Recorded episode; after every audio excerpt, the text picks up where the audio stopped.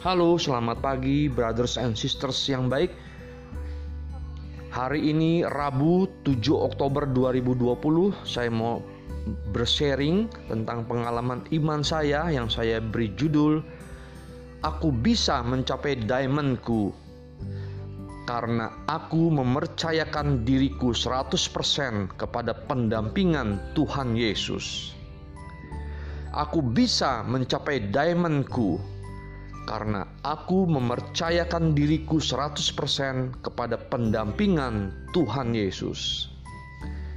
Aku ambil dari Galatia 2 ayat 1 sampai dengan 2 dan ayat 7 sampai dengan 14. Kemudian setelah lewat 14 tahun, aku pergi pula ke Yerusalem dengan Barnabas dan Titus pun kubawa juga Aku pergi berdasarkan suatu penyataan, dan kepada mereka ku bentangkan Injil yang kuberitakan di antara bangsa-bangsa bukan Yahudi. Dalam percakapan tersendiri kepada mereka yang terpandang, supaya jangan dengan percuma aku berusaha atau telah berusaha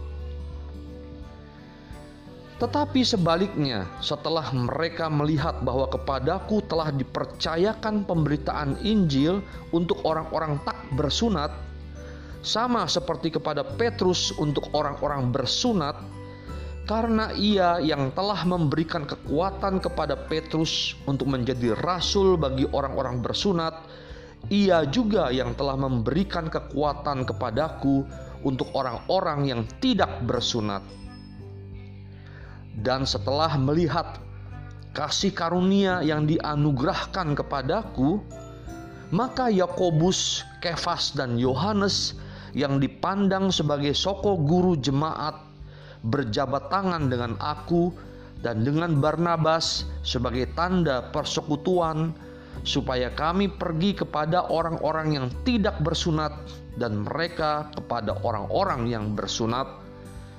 Hanya kami harus tetap mengingat orang-orang miskin dan memang itulah yang sungguh-sungguh kuusahakan melakukannya. Tetapi waktu Kefas datang ke Antioquia, aku berterus terang menentangnya sebab ia salah. Karena sebelum beberapa orang dari kalangan Yakobus datang, ia makan sehidangan dengan saudara-saudara yang tidak bersunat.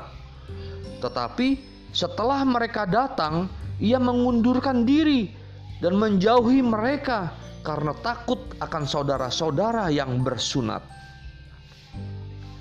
Dan orang-orang Yahudi yang lain pun turut berlaku munafik dengan dia, sehingga Barnabas sendiri turut terseret oleh kemunafikan mereka.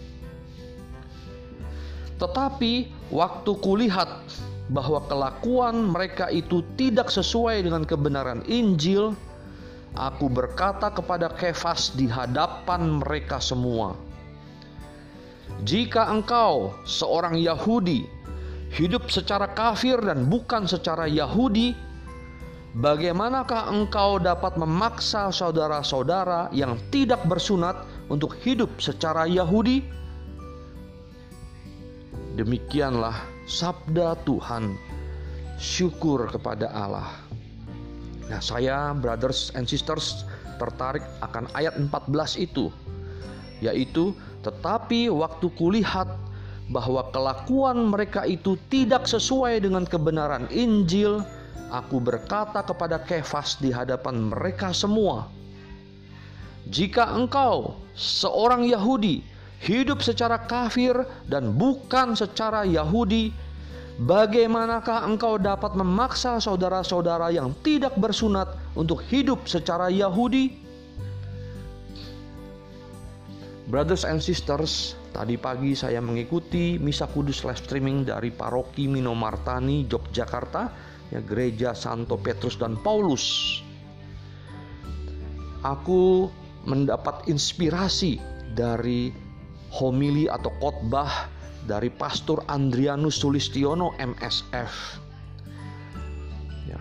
karena ada murid-murid Tuhan Yesus yang bertanya kepada Tuhan Yesus ya dia minta bantuan berkat bagaimana nih berdoa yang baik dan sempurna beliau mengatakan ya Pastor Andrianus Sulistiono MSF mengatakan bahwa sungguh aneh ya sudah berlap sudah sudah cukup lama murid-murid bergaul dengan Tuhan Yesus. Lalu dia baru minta nih bagaimana berdoa atau yang baik ya dan sempurna ya. Pasti ada sesuatu yang yang menjadi pesannya ya pengarang Injil Lukas ini itu pasti akan menyampaikan sesuatu kepada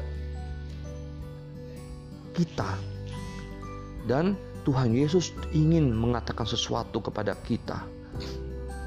Nah, saya terinspirasi di ayat 14 dari surat Santo Paulus kepada umat di Galasianya ya, yang tadi itu bahwa Yesus ingin mengatakan ada belief and trust Ya, belief percaya kepada Tuhan Yesus kepadanya, tetapi trust itu lebih daripada belief, yaitu mempercayakan 100%. Jadi sepenuhnya kepada Tuhan Yesus. Ini yang orang bilang tuh bilang menyerahkan dirinya 100%. Nah, itu maksudnya. Ya percayanya itu luar biasa.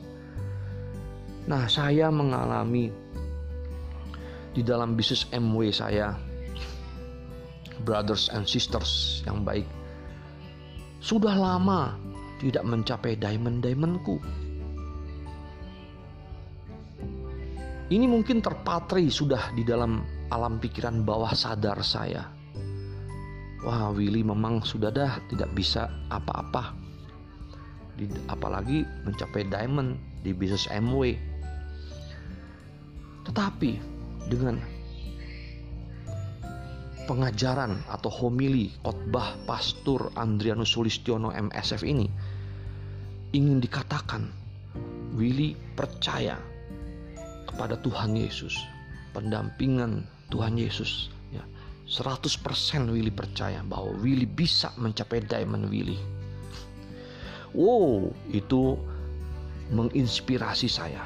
Makanya saya beri judul Aku bisa mencapai diamondku. Ya, ini sebagai afirmasi juga kepadaku karena aku memper, mempercayakan diriku 100% kepada pendampingan Tuhan Yesus. Nah, artinya apa? Artinya aku juga harus bertindak mengikuti petunjuk-petunjuk tim bisnisku, tim bisnis MW ku supaya aku benar-benar mencapai diamondku. Nah, tidak seperti kemunafikan dari Santo Petrus yang ditegur oleh Santo Paulus pada waktu itu. Ya, dia menghindar orang-orang yang sehidangan dia pertama kalinya pada waktu Yakobus dan teman-temannya itu datang ya orang dari tim orang-orang yang bersunat. Dia menjauhi orang-orang yang tidak bersunat. Ya, itu tidak benar, tidak sesuai dengan Injil. Makanya dia katakan, kalau kamu benar-benar orang Yahudi, mengapa kamu bersikap orang kafir? Bukan secara Yahudi. Bagaimana kamu bisa mewartakan, mengajak orang-orang yang tidak bersunat itu masuk ke Yahudi? Oh, jadi itu. Jadi kita, saya harus bertindak ya untuk mencapai diamondku. Oke, okay, brothers and sisters yang baik, aku bisa mencapai diamondku karena aku mempercayakan diriku 100% kepada pendampingan Tuhan Yesus. Yang artinya aku juga harus bertindak untuk mencapai diamondku itu sesuai dengan petunjuk tim bisnisku. Oke, okay, brothers and sisters, selamat bekerja, penuh iman, harapan dan cinta kasih yang berkobar-kobar untuk Tuhan dan sesama. Bye.